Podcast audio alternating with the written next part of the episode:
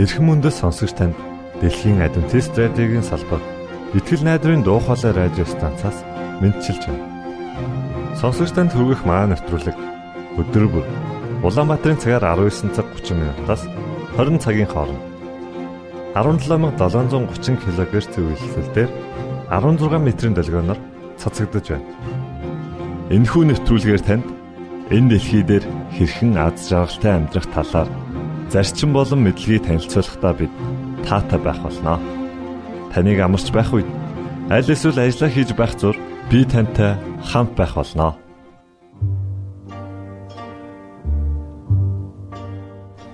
Энэ удаагийн нэвтрүүлгээ бид Silent Night хэмээх дуугаар эхлүүлж байна. Харин үүний дараа X үзлэл нэвтрүүлгийн цуврал дугаарыг хүлээн авч сонсноо. Ингээд хөгжмөдөө Bye.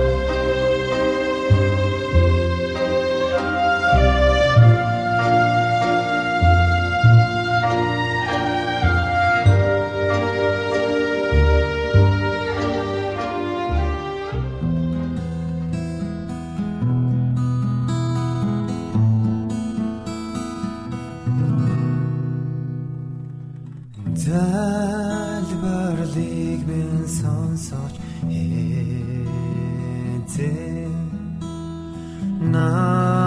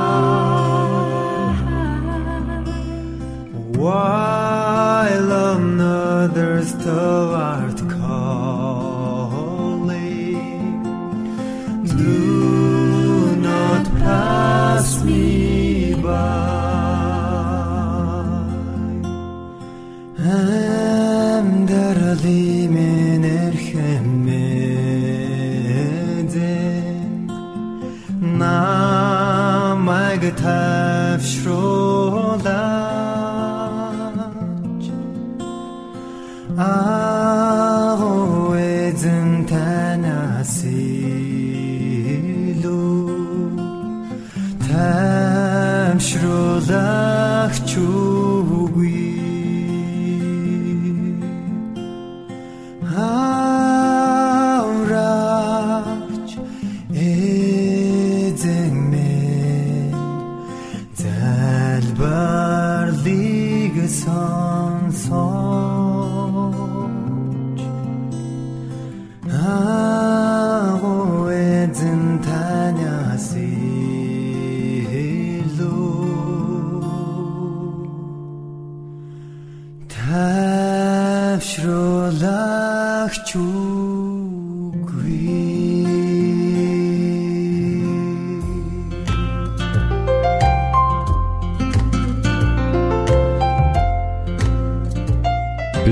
Багчуудад маань түүх таалагдсан гэж найдаж байна. Ингээд та дараагийн нэвтрүүлгээ хүлээн авч сонсноо.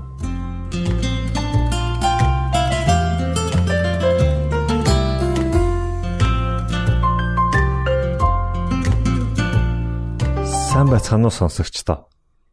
Өөрийгөө байлдан дагуулагч болгон хөгжүүл хэмэх цуврал нэвтрүүлгээр эргэн уулзж байгаадаа баяртай байна. Бид өнгөрсөн 5 дугаарын туршид харилцаанд бэлтгэх зарчим гэсэн сэдвийг судалсан бол дараагийн дэд сэдв болох харилцаагаа хэрхэн сайжруулах вэ гэсэн сэдвийг эх өдрийн туршид суралцах болно. За энэ дотор мөн 6 зарчим байгаа бөгөөд хамтдаа судалцгаая. Харилцаагаа хэрхэн сайжруулах вэ? Та бусдад анхаарал тавьдаг уу? Хүмүүн биеийг оож төрсөн хэн боловч бусдтай харилцаа холбоотой байх төрөлхийн тавилантай гэдэгтээ хинт санал зөрөхгүй баг. Хүүхэд хөгшөд нас хүйс баян ядуу боловсралтай боловсралгүй гэдгээс үл шалтгаалan бүгд хэн нэгэнтэй харилцан хамааралд оршиж байдаг. Хүний сэтгэлийн нандин харилцаа холбоо нь нэг талаар хайр дурлалын хэлхээсээр холбогддог бол нөгөө талаар тэрхүү нандин хэлхээс тасарч ганцаардан шаналхаж хүрэгдэг. Тэгээд л хэн нэгнэр хайрлуулан хүлээн зөвшөөрөгдөх гэж бүрэн бүтэн байдлаа мэдрэхин тулд дэндүү завгүй ажиллаж хөдөлмөрлөдөг. Ийхүү амжилт алдар нэрт хүрэхийн тулд улааран зүтгэх гэсэн амьдралын хэмнэлтэд болохын зэрэгцээ элдв янзын хэрэгцээнүүд ар араасаа ундран гарч ирдэг. Тэгвэл хүсэн хүлээж буй тэрхүү харилцаагаа хэрхэн бий болгох вэ? Гайхалтай харилцааг хэрхэн хамгийн сайн аргаар эхлүүлэх вэ? Бид яаж бусдад сайн харилцаа холбоо тогтоох вэ? Эдгээр асуултын хариултыг та сонирхож байна уу? Үүнд та хоёр зүйл дээр эргэлт хийх хэрэгтэй. Нэгдүгээрт бид өөрсдийгөө бодох бодлоо орхих хэрэгтэй. Хоёрдугаарт харилцаа тогтоохыг хүсэж байгаа хүндээ анхаарал хандуулах хэрэгтэй. Ингэснээр харилцаагаа хэрхэн сайжруулах вэ гэсэн сэдвүнд энэхүү хоёр эргэлтээр дамжуулан та бусдад анхаарал тавьдгүү гэсэн дараагийн асуулт руу хөтлөнө. Бусдад харилцаагаа сайжруулах боломжоо өсгөхийн тулд бие хүний 6 зарчим гэсэн дараах зүйлсүүдийг суралцах хэрэгтэй. Нэгдүгээрт зурган зарчим. Дэлхийн бүх хүн нэг бөгөөд нэг нь нийтийн төлөө, нийт нь нэгийнхээ төлөө. Хоёрдугаарт солилцооны зарчим. Бусдыг бах байдагт нь үлдээхийн оронд өөрийгөө түүний оронд тавиад үз. А харин гуравдугаарт суралцах зарчим. Тантай уулзсан хүн бүр ямар нэгэн зүйл заах чадвартай байдаг. Дөрөвдүгээрт өөртөө татах зарчим. Хүн өөрийг нь сонирхож байгаа нэгнийг л сонирхдог. Тавдугаарт аравтын зарчим. Хүнд итгэл найдвар хүлээлэг. Тэгээ түүнээс хамгийн сайныг олж хар. Сүлтчийн зарчим буюу зөрчлийн зарчим. Зөрчлийг хайр халамжаараа шийдвэрлэл. Та өөрийнхөө төлөө санаа зовхоо болох тэр үед л бусдад нээлттэй харилцаж тэдний хүсэж байгаа зүйл юу болохыг харж эхэлдэг. Ингэснээр та илүү найрсаг болж хүмүүс таныг тойрон хүрээлэхдээ үнэхээр дуртай байх болно. Энэ нь харилцаа холбоо байгуулах түлхүүр болдог. Эхний зарчим буюу зургийн зарчим. Альберт Эйнштейн хэлэхдээ хүн өөрийгөө гаднаас нь харах үедээ л жинхэнэ амьдралаар амьдарч эхэлдэг гэсэн байна. Энэхүү зарчмын өөрөөсөө асуух асуулт. Бусдыг ихэн тавих нь надад бэрхшээлтэй юу? Бусдын үзэл бодлыг өөрчлөхийн тулд юу хийх ёстой вэ? Мэдээж энэ тийм амар зүйл биш. Хүний үзэл бодлыг өөрчлөхөд хийх хамгийн ихний алхам бол амьдралыг зурган зарчмаар харах явдал бөгөөд хүмүүст ийхүү харахад нь туслах ёстой. Магадгүй үзэл бодлоо өөрчлөхийн нэг тал нь гэрлэлт байж болдог бол нөгөө талаар салалж байх боломжтой. Гэхдээ та дараах хэсгүүдээс хүн өөр тулгарсан бэрхшээлээсээ илүү хүнд хэцүүг амсаж буй бусдын нөхцөл байдлын талаар олж мэдснээр үзэл бодлоо өөрчлөх хэрэгтэй гэдгийг ойлгох болно. Саяхан би жүжигчин Анжелина Жолигийн талаарх нэгэн нийтлэлийг уншсан юм. Түүний үзэл бодол асар богино хугацаанд хэрхэн өөрчлөгдсөн талаар дурдсан байлаа. Тэрээр 1999 онд гадуурхагдсан охин хэмэх кинонд энд нь сүрч амьдралд хөлөө алдаж буй охины дүр тоглон энэ дүрээрээ Оскарын шагнал хүртжээ. Охины аав ээж Холливуудын жүжигчд байсан бөгөөд түүнийг хинч хаахарахгүй зөнгөөрөө өөрийн дураар өссөн хүүхэд байв. Хүн бүр түүнийг зоргоороо амтан гэж дууддаг байлаа. Тиймээс тэр хар тамхинд орон жигсмээр зан ааштай болж зүсэн бүрийн муу зүйлс хийж эхэлжээ. Ингэснээр өөрийнхөө амьдралыг жинхэнэ там болгож эцэст нь үххээс өөр замгүй гэдгээ хүлээн зөвшөөрдөг тухай гардаг. Нийтлэл дээр жүжигчин Жоли Маш олон хүн өөрийгөө үн цэнгүй болгосноор өөхөх юмсан гэж хүсэж амьдралаа гаргуун гарган арх тамхи мансуурлах бодсон донтож байдаг. Үндэ би амьдралын утга учирын талаар хизээж бодож байсангүй. Хүн их чинь ямар үн тэрдэн болохыг ч тэгтлээч мэдэрч байсангүй хэмээн бичжээ. Тийм ээ. Гадуурхагдсан охин киноны амжилттай тал нь Жолид амьдралын үнэн олж харахад туссан юм. Тэрээр үргэлжлүүлэн Хэдийгээр би амжилтанд хүрэн санхүүгийн байдал минь тогтвортой болж сайхан хайртай учирсан ч үргэлжил ямар нэгэн хоосрлыг мэдэрдэг байлаа. Бүх зүйл л надад чи аз жаргалыг олох хэрэгтэй гэж хэлж байх шиг. Ихэнхдээ би тэнцвэргүй байдлыг мэдэрч сэтгэл дотроо аз жаргалыг хайсаар л байсан гэдгээ хүлээн зөвшөөрчээ. Харин одоо Жоли танд нэгэн зүйлийг онцлон хэлэх гэж байна. Тэрээр Кино бол нэг өөр хэрэг. Харин бидний эргэн тойронд дайн дэжин, өлсөглөн дөрвөлтөд өртөн зоож буй асар олон хүмүүс байна. Тэдгэр хүмүүсийн сэтгэлийн зовлон ойлгохыг хүсэж байна гэдгээ мөн тэмдэглэжээ. Учир нь Жоли хил хязгаараас ангид гарчигтайгаар нийтлэгдсэн нэгэн эмэгтэй түүхийг уншсан байна. Түүхээс дэлхийд даяар амьдарч буй өнчин өрөөсөн өрөвдөлт зовлонд баригдсан хүмүүс болон дүргсдийн зовлон шаналлын талаар олж мэджээ. Ингээд Жоли нүби ажилчтай хамт дэлхийд тойрон аялахдаа Сиара Леони, Танзан, Коти Дилвори, Камбож, Пакистан, Намиба болон Тайланд зэрэг улсуудаар зочилсон бөгөөд би амьдралдаа олж аваагүй агуу боловсролыг эндээс л олсон. Миний хувьд энэ бүхэн эрс өөрчлөлт байлаа хэмээн тэмдэглэжээ. Түүний үзэл бодол инхүү өөрчлөгдөж Дэлхийд даяар мянган мянган хүмүүс хүнд хэцүү аимшигтай нөхцөл байдалд амьдарсаар байна гэдгийг хүлээн зөвшөөрсөн төдийгүй тэдний олонхот нь ч чин сэтгэлээсээ гараа сунган туссан юм. Ингээд 2001 онд нүүбийн дөрвөстийн төлөөх бүрэн эрхэт төлөөлөгч түүнийг сайн санааны элч болохыг хүсгэд тэрээр маш баяртайгаар хүлээн авчээ. Саяхан Ворс сэтгүүлийн жагсаалтанд дэлхийн хамгийн нөлөөтэй 25 сайн үлсний нэгээр Жоли бичигдсэн юм. Мөн Камбож улсаас Мадокс нэртэй өнчин хүүг өргөн авчээ. Түүний хувьд өнчин хүүхдүүд бол дүүрсдийн төлөө 3 сая орчим долларыг нүүбийн хөтөлбөрт хандуулж түүнээс гадна орлогынхоо 3-ны 1-ийг сайн үс зарцуулсан байна. Жолли Үхэл үүдий чинь тогтчих үед хэдэн кинонд дүр бүтээж хэсэгхэн шагналын эзэн болсон гэдэг нь амьдралаа утга учиртай өнгөрүүлсэн гэсэн үг биш ээ. Харин та сурч чадахгүй байгаа хүүхдүүдийг дэмжихийн төлөө сургууль барьж Зовлон бэрхшээлээ зүдэрч явах хүмүүсийн төлөө илүү сайн зүйл хийсэн бол харин эн чинь л таны амьдралыг жинхэнэ утга учиртай болгоно.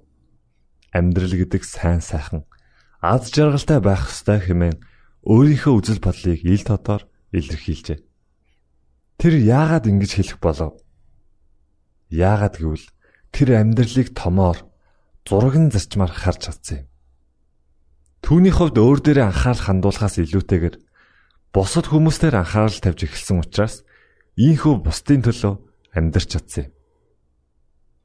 Эндээс бүх зүйл ялгаатай харагддаг. Хүмүүсийн сэтгэлийг байлдан дагуулна гэдэг нь өөрөөсөө илүүтэйгээр бусдын тухай бодох чадвараас эхэлдэг. Энэ нь харилцаагаа барьж байгуулах хамгийн ихний үндсэн зарчим. Мэдээж хүн бүр хуваа хичээдгүйч альвааг том зургаар харж чадахгүй байгаа нь ойлгомжтой.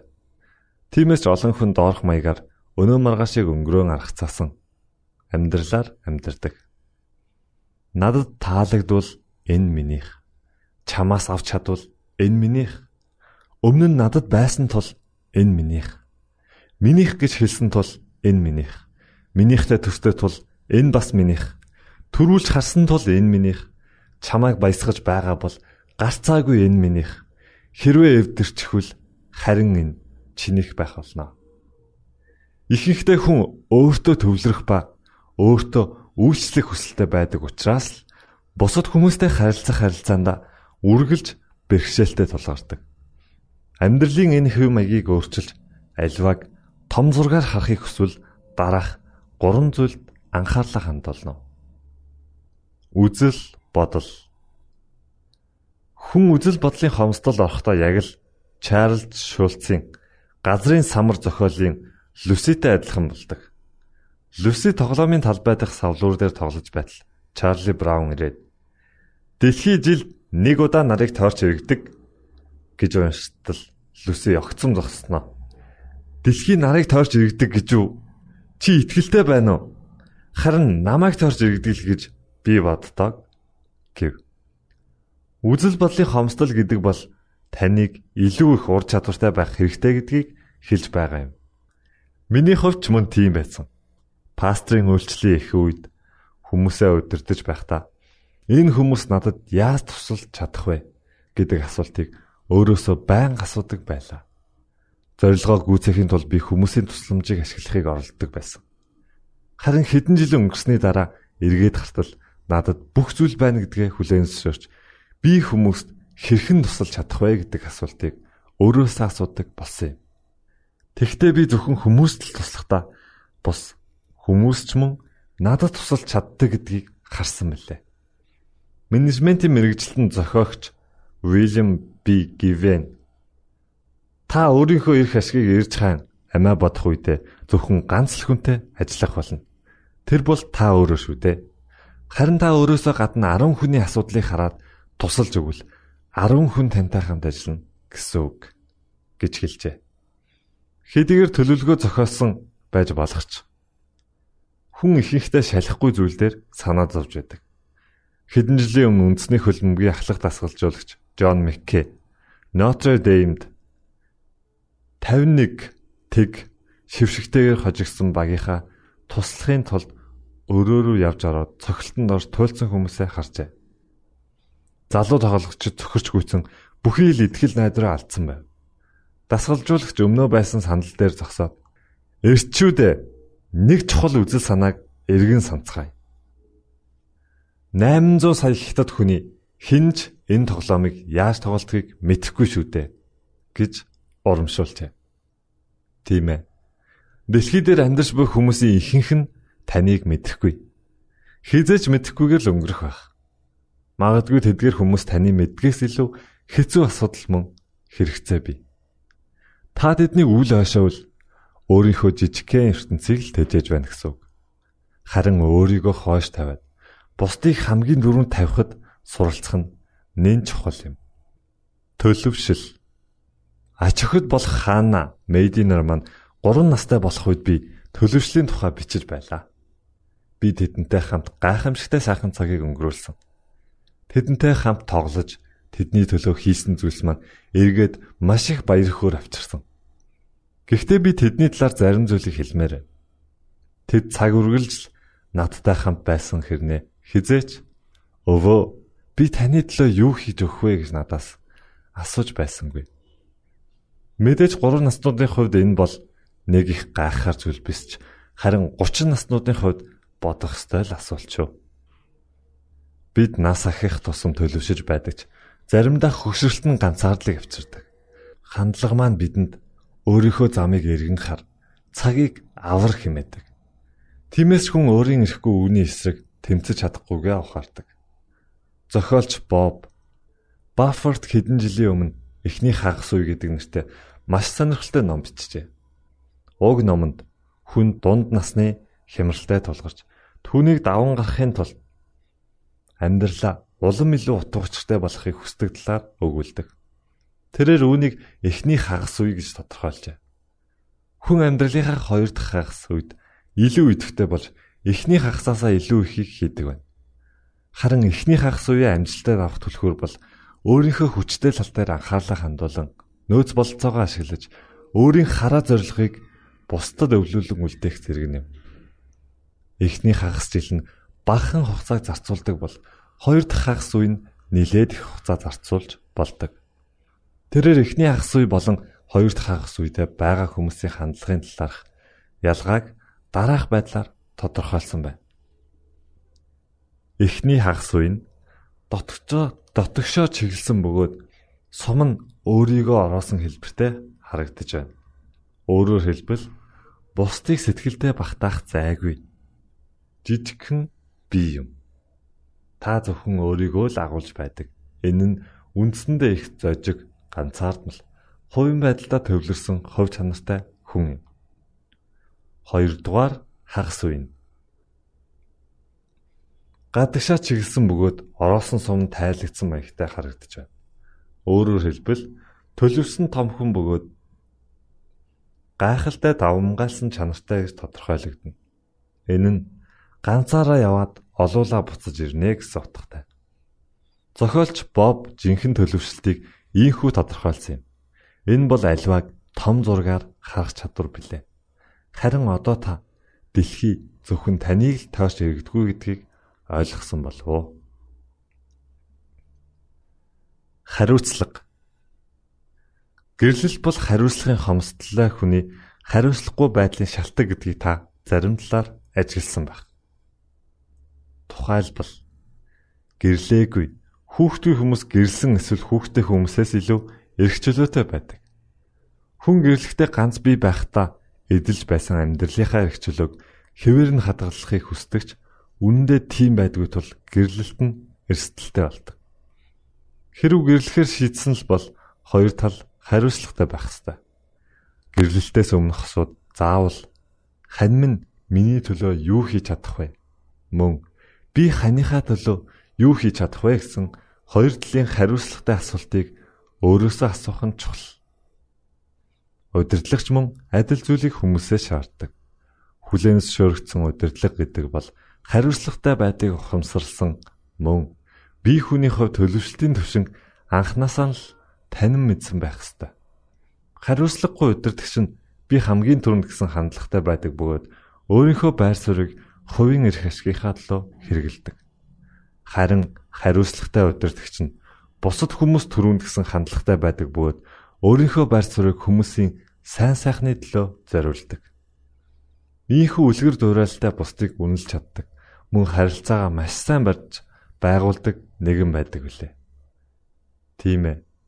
Хариуцлагатай сайн удирдагч нь бага амжилтанд хүргэх гол түлхүүр бол хүмүүсийг нэн тэргүүн тавих гэдгийг ойлгосон байдаг. Том зургаар харах, хараага тэлхэн Хэрвээ та том зургаар харах хараагаа тэлж бусдыг төрүүн тавихыг хүсэж байгаа бол дараах зүйлийг хийгээрэй. Өөрийнхөө жижигхэн ертөнцөөс гар. Би оохойд хүүхэд насаа өнгөрүүлсэн бөгөөд дэлхийн ертөнцийн талаар тэгтлээ сайн мэддгүй байлаа. Амьдралын талаарх энэхүү давчин үзэл маань намайг 90 цент хүртэл байсаар байсан юм. Гэвч би хүн нөхцөл байдлаас үл хамааран шоргоо хөдөлмөрийнхөө үр дүнд илүү цаашаа хөгжиж чадна гэж боддог байв.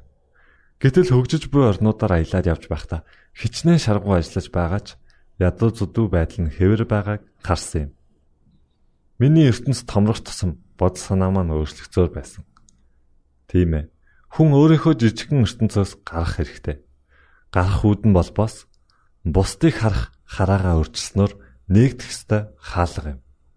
Хэрвээ тань бусдын талаарх давчуу үзэл байгаа бол цааш явахд ч саад болно. Тиймээс өөрийнхөө хийж үзээгүй зүйлийг хийж танихгүй хүмүүстэй уулзах нь таны үзэл бодлыг өөрчилж харах хараагт нь улам илүү тэлэх болно. Хаалганы хажууд өөрийгөө шалга. Та том би гэсэн сэтгэлгээтэй хүнтэй уулзаж цагийг өнгөрүүлж байсан уу? Түүний талаарх сайн мэдээ гэвэл тэд хизээж бусдын талаар тийм их ярьдаггүй. Харин муу мэдээ нь гэвэл та тэднийг сонсохгүй бол тэд танаас маш хурдан залхдаг. Энэ хүн өөрийнхөө ертөнцөөс гараагүй бөгөөд бусдын сэтгэлдээ багтаах орон зайгүй давчуу бодолтой хүн байдаг. Учир нь өөрийгөө өргөмжлөгч нь бусдын тухай биш зөвхөн өөрийнхөө тухай л боддог хүн байдаг. Энэ нь үнэндээ тэдэнд таарсан тодорхойлт юм. Хайрын эсрэг утга нь үзэн адилт гэж би итгэдэг. Миний хувьд үүнийг зөрүүтэй ойлголт гэж бодож байна. Харин хайрын эсрэг утга нь өөртөө төвлөрөх юм. Хэрвээ та үргэлж өөр дээрээ төвлөрөөд байвал хизээч эерэг харилцаа барьж байгуулж чадахгүй. Сэтгэл хангалуун байдлыг бий болго. Сэтгэл хангалуун байдал нь бусдын оролцоотойгоор бий болдог. Гэтэл өөртөө төвлөрч хүн үргэлжил амар тайван бос сэтгэлийн хоосролтой харилцааны үндсээр дутагдсан байдалтай байдаг боолчлолын эсрэг тэмцэгч Хенри Вард Бечер амин хуваа хичээдэг хүн бол хүн биш гэж хатуу тодорхойлжээ. Би үүнтэй санал нэг байна. Яагаад гэвэл хуваа хичээснээр та хүний амьдралын хамгийн чухал зүйл болох хүмүүсээс өөрийгөө салган тусгаарладаг. Тиймээс та сэтгэл хангалуун амьдрахыг хүсэж байгаа бол эрүүл харилцаа барьж байгуулах хэрэгтэй. Инхийн тулд та эхлээд өөрийгөө ялж сурах нь чухал. Энэхүү том зургийн зарчим танд дэлхийн бүх хүн нэг бөгөөд нэг нь нийтийн төлөө, нийт нь нэгийн төлөө гэсэн зарчмыг ойлгуулах болно. Итгэл найдрын дуу хоолой радио станцаас бэлтгэн хөрөгдөг нэвтрүүлгээ танд хүргэлээ. Хэрв та энэ өдрийн нэвтрүүлгийг сонсож амжаагүй аль эсвэл дахин сонсохыг хүсвэл бидэнтэй дараах хаягаар холбогдорой. Facebook хаяг: Latin үсгээр Монгол заавад awr Имейл хаяг mongol@gmail.com Манай утасны дугаар 976 7018 24 9 Шуудангийн хаяг 16 Улаанбаатар 13 Монгол улс Биднийг сонгон цаг зав аваад зориулсан танд баярлалаа. Бурхан таныг бивээх болтугай.